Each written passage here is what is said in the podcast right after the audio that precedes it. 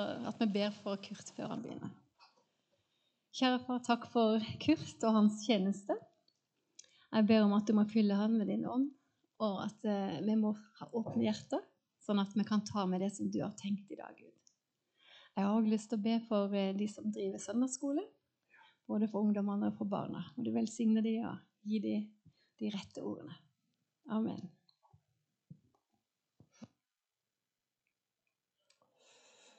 Vel møtt, sier jeg. Flott å få lov å være på eh, gudstjeneste i Mandal. Det skulle ha vært for to år siden, men det kom en pandemi imellom, og så har det gått og gått. Nå blir det. Og jeg kan som en gammel mann ikke la være med å tenke på at i 1973 var jeg altså her på Hellig Tre Konger-møtet. Da var bedehuset stuefullt. Vi eh, måtte spise i flere omganger, og det var fest å være med på Hellig Tre Konger-møtet 1973. Og så hilser jeg på gode venner hernede, og de minder os om at vi var sammen på lejr i 1968. Så der skjønner at livet har gått for nogle af oss. Og når vi ser tilbage, så skjønner vi ikke hvor årene blev av, men øh, de har altså gått. Morsomt at tænke på at Øystein Garcia og hans kone sitter her. Vi mødtes i Los Angeles i 1981. Det er 41 år siden.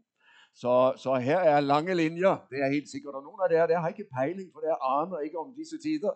Jeg var nemlig ikke født.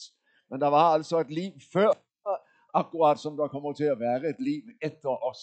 Det er livets virkelighed. Men derfor nydelig at få lov at være tilbage i Mandal. Her er lange linjer. Og til præsten eller pastoren må jeg få lov å si du skal få lov at sove under prekenen, for jeg skjønner du har sovet lite i natt. Bare ikke snork, for det er så slitsomt når folk snorker mens jeg præker. Men ellers skal du få lov at lukke øjnene om dit, Ja, det er helt greit. Jeg har været så frimodig at jeg har taget med mig et par bøger Under pandemien så måtte jeg gøre nu, for pludselig fik jeg ikke prikke, Og hvad gør man da? Der sætter man sig ned og skriver. Og resultatet blev en liten bog, en gennemgang af Johannes' åbenbaring, Jesu genkomst, Den koster 199 kroner. Og en gennemgang af Efeserbrevet i form av 40 andakter, hvor du får hele Efeserbrevet. Inntatt din himmelske arv. 299 kroner koster den. Det var tekstreklamen. Du vet, I dag må vi alltid ha mer reklame.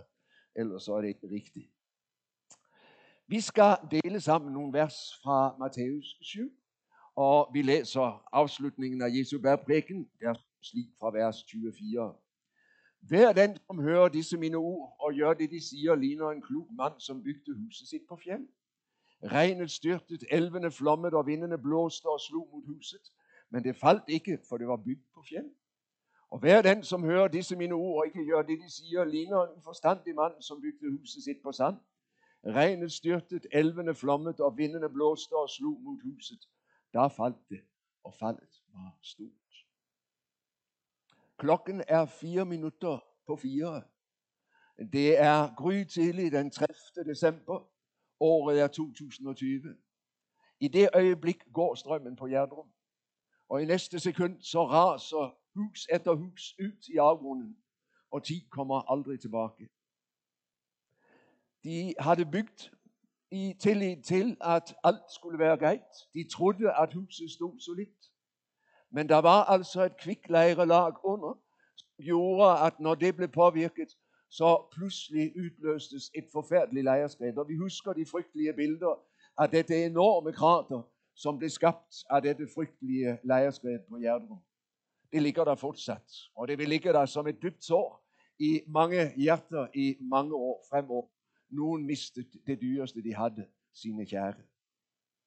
Det taler sterkt til oss om dette, hvor viktig det er at vi bygger på solid grunn.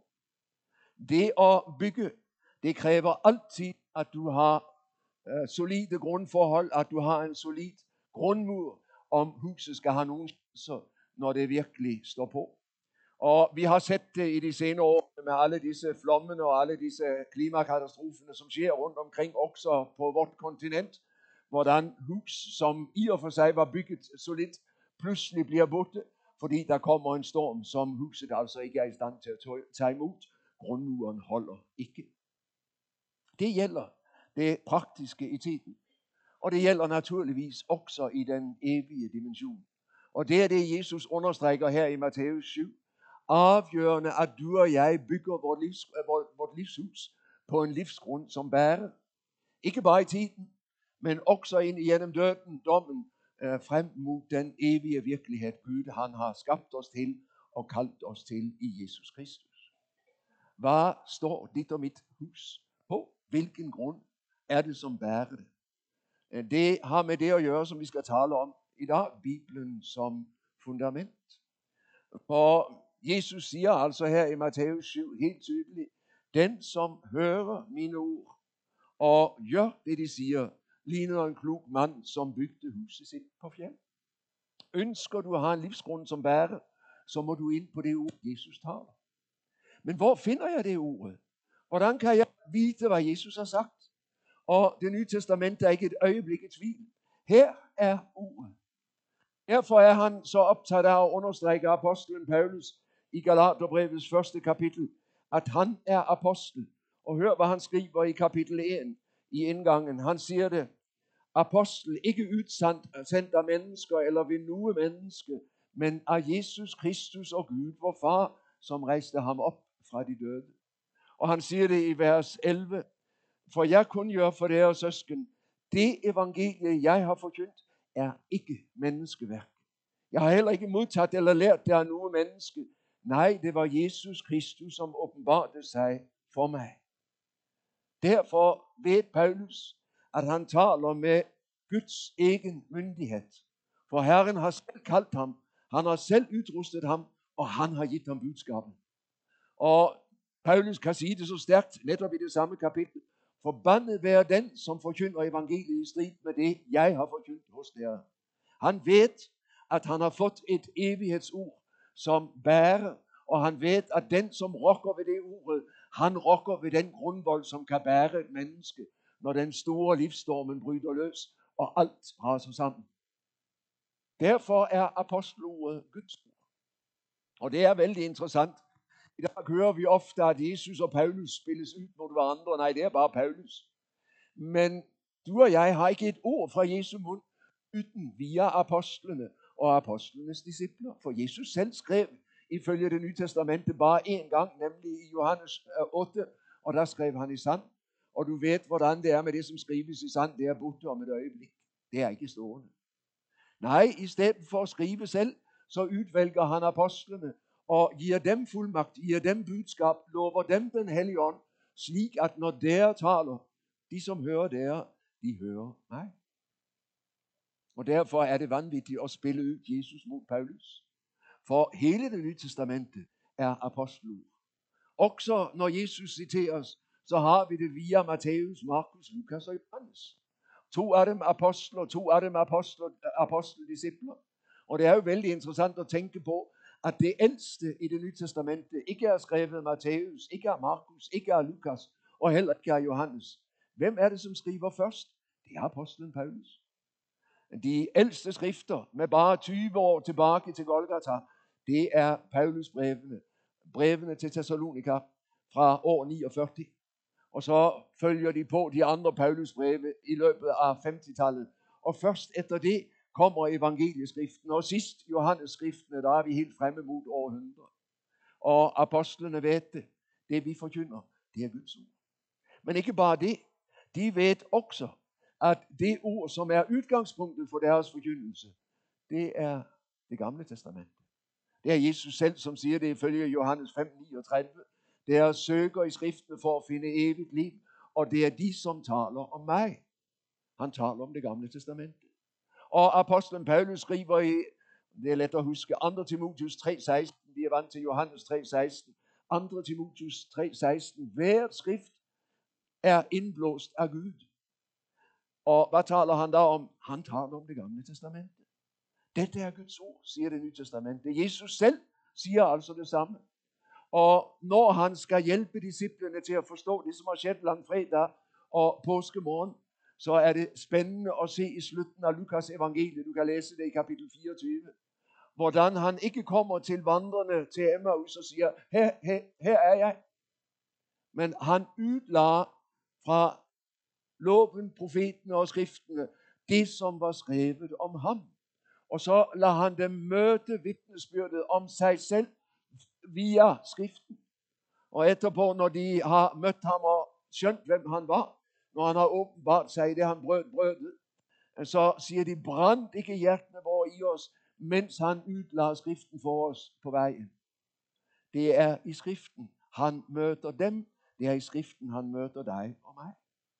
Og dermed har skriften selv tilkendegivet, ønsker du virkelig at have grund under livet, et solid byggegrund, og bygge dit evighedshåb på, så kommer du ikke forbi denne boken. For her er det ord, som bærer livet i sig, og som skænker frelse. Så har jeg lyst til at sige i den sammenhæng, nej, ikke alt i skriften har lige stor vægt. Det er ikke forkynderen. Det er ikke højsangen, du skal bruge mest tid på i skriften. Hvad er det, du skal bruge øh, tid på frem for alt? Paulus er en god vejleder. Han fortæller i 1. Korintherbrev 2, øh, hvordan det var, når han var på vej til storbyen Korinth første gang og skulle forkynde evangeliet. Fristelsen var der til at slå af, til at dæmpe det anstødelige ord om en korsfæstet jøde som verdens frelser. Og så siger han, jeg kom sjælvende, svag, men jeg havde opgjort med mig selv, jeg vil ikke vide noget andet blandt der end Jesus Kristus og ham korsfæstet. Hvorfor? Fordi Paulus vidste, der ligger frelseskraften. Der ligger mulighederne, hvis mennesker skal finde liv, og hvis de skal få grund at stå på, som bærer helt frem til den evige salighed. Ordet om den korsfæstede, det er grundordet i skriften. Og derfor er det dramatisk, hvis det ord bliver borte i den kristne forkyndelse. Og derfor trænger vi at sige til hverandre, hør efter, om du hører det ord, og hører du det ikke, så arrester forkynderen. For det er det ord, som kan frelse. Jeg trænger ikke at høre om vejr og vind, om klimakrise og alt muligt. Når jeg skal blive frelst, så trænger jeg at høre ordet om den korsfæstede, som gav sig selv for mig. For det er det eneste ord, som er i stand til at frelse mig. Jo da, så skal prædikanter gerne præke om både dit og dat, men centrum, tyngdepunktet, må altid ligge i uret om, det kors, om den korsfæstede. Hvorfor siger Paulus dette? Fordi i Korinth er man begyndt at tillæmpe og tilpasse. Man er så interesseret i filosofi. Og så findes der altså nogen i menigheden, som prøver at gøre evangeliet spiseligt ved at tage bort anstøttet og præsentere det som en ny filosofi. Og Paulus er klinkende klar. En slik filosofi frelser ingen. Skal mennesker finde frelse, så må der finde tilbage til det ord, som er selve grundordet. 1. Korintherbrev 3, vers 11. For ingen kan lægge anden grundvold end den, som er lagt, nemlig Jesus Kristus. Derfor trænger du og jeg høre godt efter i dag. Tales der om Jesus i forkyndelsen? Tales der om Jesu kors? For hvis ordet om korset og ordet om Jesus bliver borte, så kan du tale til du er grøn i ansigtet om Gud, og det hjælper ikke en døjt, og det frelser ingen. Vi er nødt til at finde tilbage til centrum, slik at vi kan give folk mat, slik at vi kan give dem ord, som de kan blive frelst ved. Det er uh, englen, som siger det til Peter i Cornelius' hus, ikke sandt? Uh, eller i, hos øh, Simon Gaver, du kan læse det i Apostelgjerningene 10 og 11. Englen kommer til Cornelius og siger, du skal sende bud til, øh, Cesar, øh, øh, til øh, Jaffa efter Peter, for han skal tale ord, hvorved du kan blive frelst. Hvordan bliver mennesker frelst? Gennem ordet om korset, gennem ordet om Jesus. I den sammenhæng må vi sige endda en ting til. For når du møder skriften, så opdager du, at Herren taler to ord i skriften. Guds ord her, det kommer til dig som loven og som evangeliet. Gud har to ord, som begge er talt på ramme alvor, og som begge kræver og ønsker at blive hørt, om du og jeg skal blive frelst. Lovens ord, alt det som taler om dig, alt det som kræver af dig, alt det som peker på dig, det ord, som siger Paulus i Romerne 3, vers 19 og 20, afdækker, hvem du og jeg er, så vi står med lukket mund. Og så vi indser, jeg har ikke frelsesmulighed i mig selv. Loven, det ord, som er talt for at tage fra dig og mig en hver undskyldning, så vi bliver stående inden for den hellige Guds ansigt og ved med uh, profeten Jesaja, når han har mødt Gud i templet. Ved mig, det er yde med mig, jeg er fortabt. For jeg er en mand med urene læpper, og jeg bor midt i et folk med urene læpper, og nu har jeg set Herren. Loven vil lade dig møde den hellige Gud, så det går op for dig, jeg har ingen mulighed til frelse i mig selv. Jeg er et fortabt menneske. Loven har ingen frelseskraft. Og det er vigtigt at være klar over. Mye af den forkyndelse, som lyder i dag, desværre, rundt om i kirkene og rundt om på bedehusene, det er lovforkyndelse. Og den passer mig så godt, for den udfordrer mig. Den siger, du må, du skal. Vi burde, ikke sandt, læse mere i Bibelen, bede mere, give mere, tjene mere. Men der ligger ingen frelse i det ord. Det er bare et ord, som i sidste instans, hvis det bliver hørt, gør mig fortvilet, for jeg strækker ikke til i forhold til det. Loven er aldrig ment at skulle frelse mig. Loven er ment at skulle arrestere mig, så det går op for mig. Jeg har ikke en mulighed. Herre, frels, jeg går under. Han råbte det ude på søen, Peter, og det er det, loven vil, jeg skal opdage. Der er frelserens hånd der. I det øjeblik, du og jeg giver op på os selv, og det er evangeliet. Og læg nu mærke til, hvad evangelium er. For en masse mener, de uh, forkynder evangelium, de snakker ikke om Jesus, og der er det ikke noget evangelium. Hvad er evangeliet? Evangeliet er ordet om korset, det er ordet om Jesus. Og læg nu mærke til, det som kendetegner evangeliet, det er, det taler aldrig om dig, det taler om ham. Og det taler aldrig om, at han skal være forbilde bare, men det forkynder, han døde for dig. Det er kerneuret i evangeliet. Der, hvor jeg kan få lov til i min fortabthed og synke ned i Guds hånd og vide, jeg er frelst. Ikke i kraft af mig, men i kraft af ham. Det er det, Paulus skriver i Romerne 1, ikke sandt? For evangeliet er en Guds kraft til frelse for hver den, som tror. For jøde først, og så for hætning eller for græker. For i det åbenbares Guds retfærdighed. At tro til tro, som skrevet står, den retfærdige ved tro skal han leve. Det handler ikke om mig, det handler om Jesus. Og det er det ordet, som møder mig i evangeliet. Jeg får lov at flytte blikket bort fra mig selv, fra hele mit mislykte, eller om du tror det, vellygte uh, øh, livsprojekt, og der har du bedragt dig selv. Nej, for i Guds lys findes der ikke vellykte livsprojekt. Det er det, Paulus må indse, når Jesus møder ham ved Damaskus. Han trodde, han var på ret vej. Jeg er efter loven retfærdig, skriver han i Filipperne 3. Og pludselig rives tæppet bort under fødderne hans, og det går op for ham. Ved mig, det er ute med mig. Der og der ramler hele det hus, han har bygget i egen kraft. Og hans eneste mulighed, det bliver den korsfæstede. Men der er Paulus frelst. Og der har han oplevet grundbetingelsen for at kunne være apostel. Han har fået lov at lægge sin livsgrund Jesus har gjort, uden for ham selv, i det fuldbragte. Jeg håber ikke, du sitter og tror, at du får til kristenlivet dit. Og hvis du gør, så har jeg lyst til at sige til dig, vågn op menneske, du er på farlig grund. For så længe du vil bygge din kristendom på det, du gør eller ikke gør, så er du på en grund, som ikke holder. Skriften siger, at der er én grund, som holder, når den store storm bryder løs. Den, som møder mig i døden og dommen. Så er der der ingen fordømmelse for den, som er i Kristus Jesus. Tak, tak for det ord. Det er selve livsordet. Jeg har ikke noget andet. Jeg er blevet så gammel, at jeg må se i øjnene, at min tid er snart ute. Jeg er begyndt at indstille mig på, at jeg skal herfra, at døden snart træffer mig. Hvad har jeg at møde med? Ja, når jeg ser over livet mit, så anklages jeg her og der, og så dukker de op. Alle de negative minder om det, jeg gjorde, som var fejl. Og så ved jeg, skal jeg stå alene med livsprojektet mit, har jeg ikke en chance. Derfor må jeg få lov at vende mig fra mig selv hen til en anden og sige Jesus. Og han kommer mig i møde og siger, se i begge mine hænder har jeg tegnet dig.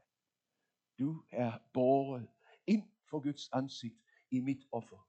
Og der har du din retfærdighed, din tilgivelse, din frelse, dit håb. Jeg har ikke noget andet, men det er mere end nok. For min nåde er nok for dig, lærte Paulus. Det var ikke det, han kunne, det var det, Jesus havde gjort. Dette er et anstødeligt ord. Og det passer ikke det naturlige menneske. Og derfor er det ikke noget mærkeligt, at der i dag løbes stormløb mod dette ord. At man prøver at rive det om kul og sige, at dette er ikke noget at bry sig om. Det moderne menneske har for længst erklæret Gud for død, og dermed har Guds ord naturligvis ingen autoritet længere. For at død, så behøver jeg ikke at bry mig om dette.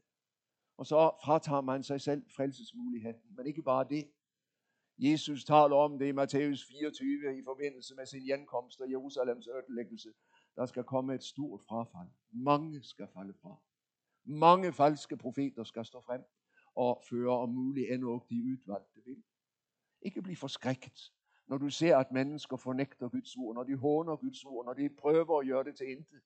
Det er alt for krævende for det stolte, selvhjulpende menneske og skulle bøje sig for dette, at jeg er Guds afhængig. Og derfor afskaffer jeg Gud, for jeg skal nok ordne op selv. Men hvad kan jeg, når det kommer til stykket? I går kom jeg, i morgen er jeg borte. Jeg har ikke noget at stille med. Derfor ikke lad de falske profeter få ret. Og i dag oplever vi desværre langt, langt ind i kirken, at de har lyktes på den måten, at man tager ud deres skriften, og deres skriften, og deres skriften, som man ikke liker. Man tager bort, bort ordet om synden. Man tager bort ordet om djævlen. Man tager bort ordet om omvendelsen. Ja, man tager til og med bort ordet om korset. Og så står man igen med en minibibel, som ikke kan hjælpe nogen det mindste, for den giver dem ingen grundlag at stå på.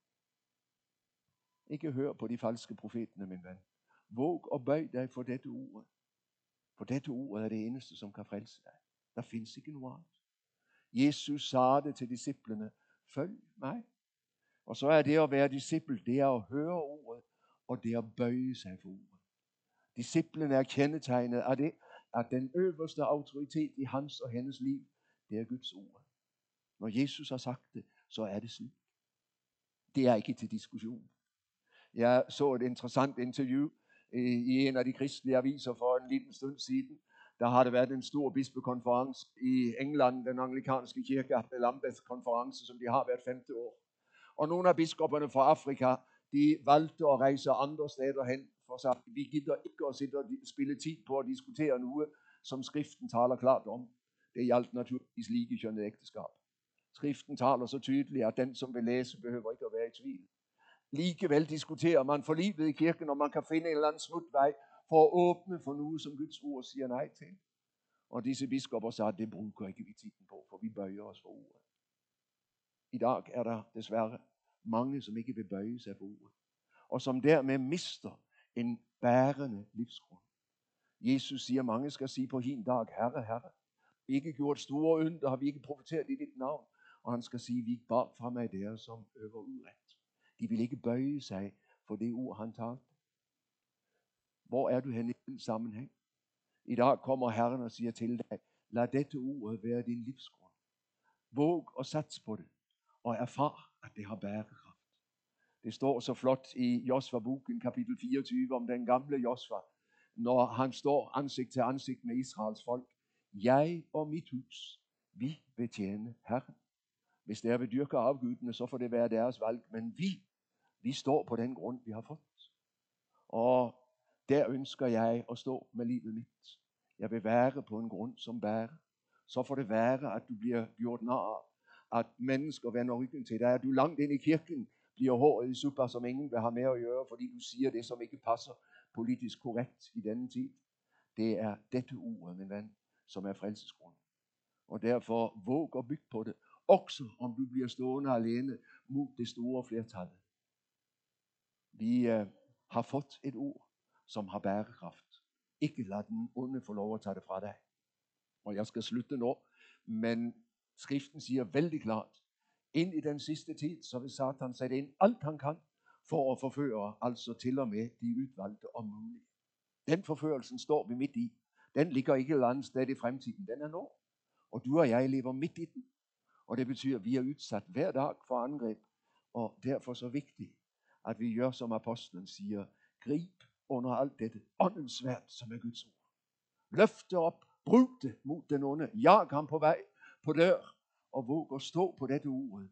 Også om du kender med Paulus, jeg er skælvende, jeg er redd, jeg er liten. Jeg vil ikke fornægte dette ordet, for at det afhænger livet mit. Gud velsigne dig til at våge at stå på en livsgrund, som har bærekraft. Det er ordet om korset, du trænger, min ven. Dette ordet om korset, om Jesus, igen og igen. Hvorfor? Fordi bare der finder du livet. Herre Jesus, os til at våge at stå på dette ord. Hjælp os til at våge at stå på det også i en tid, som ikke vil høre det. og som ler af ad.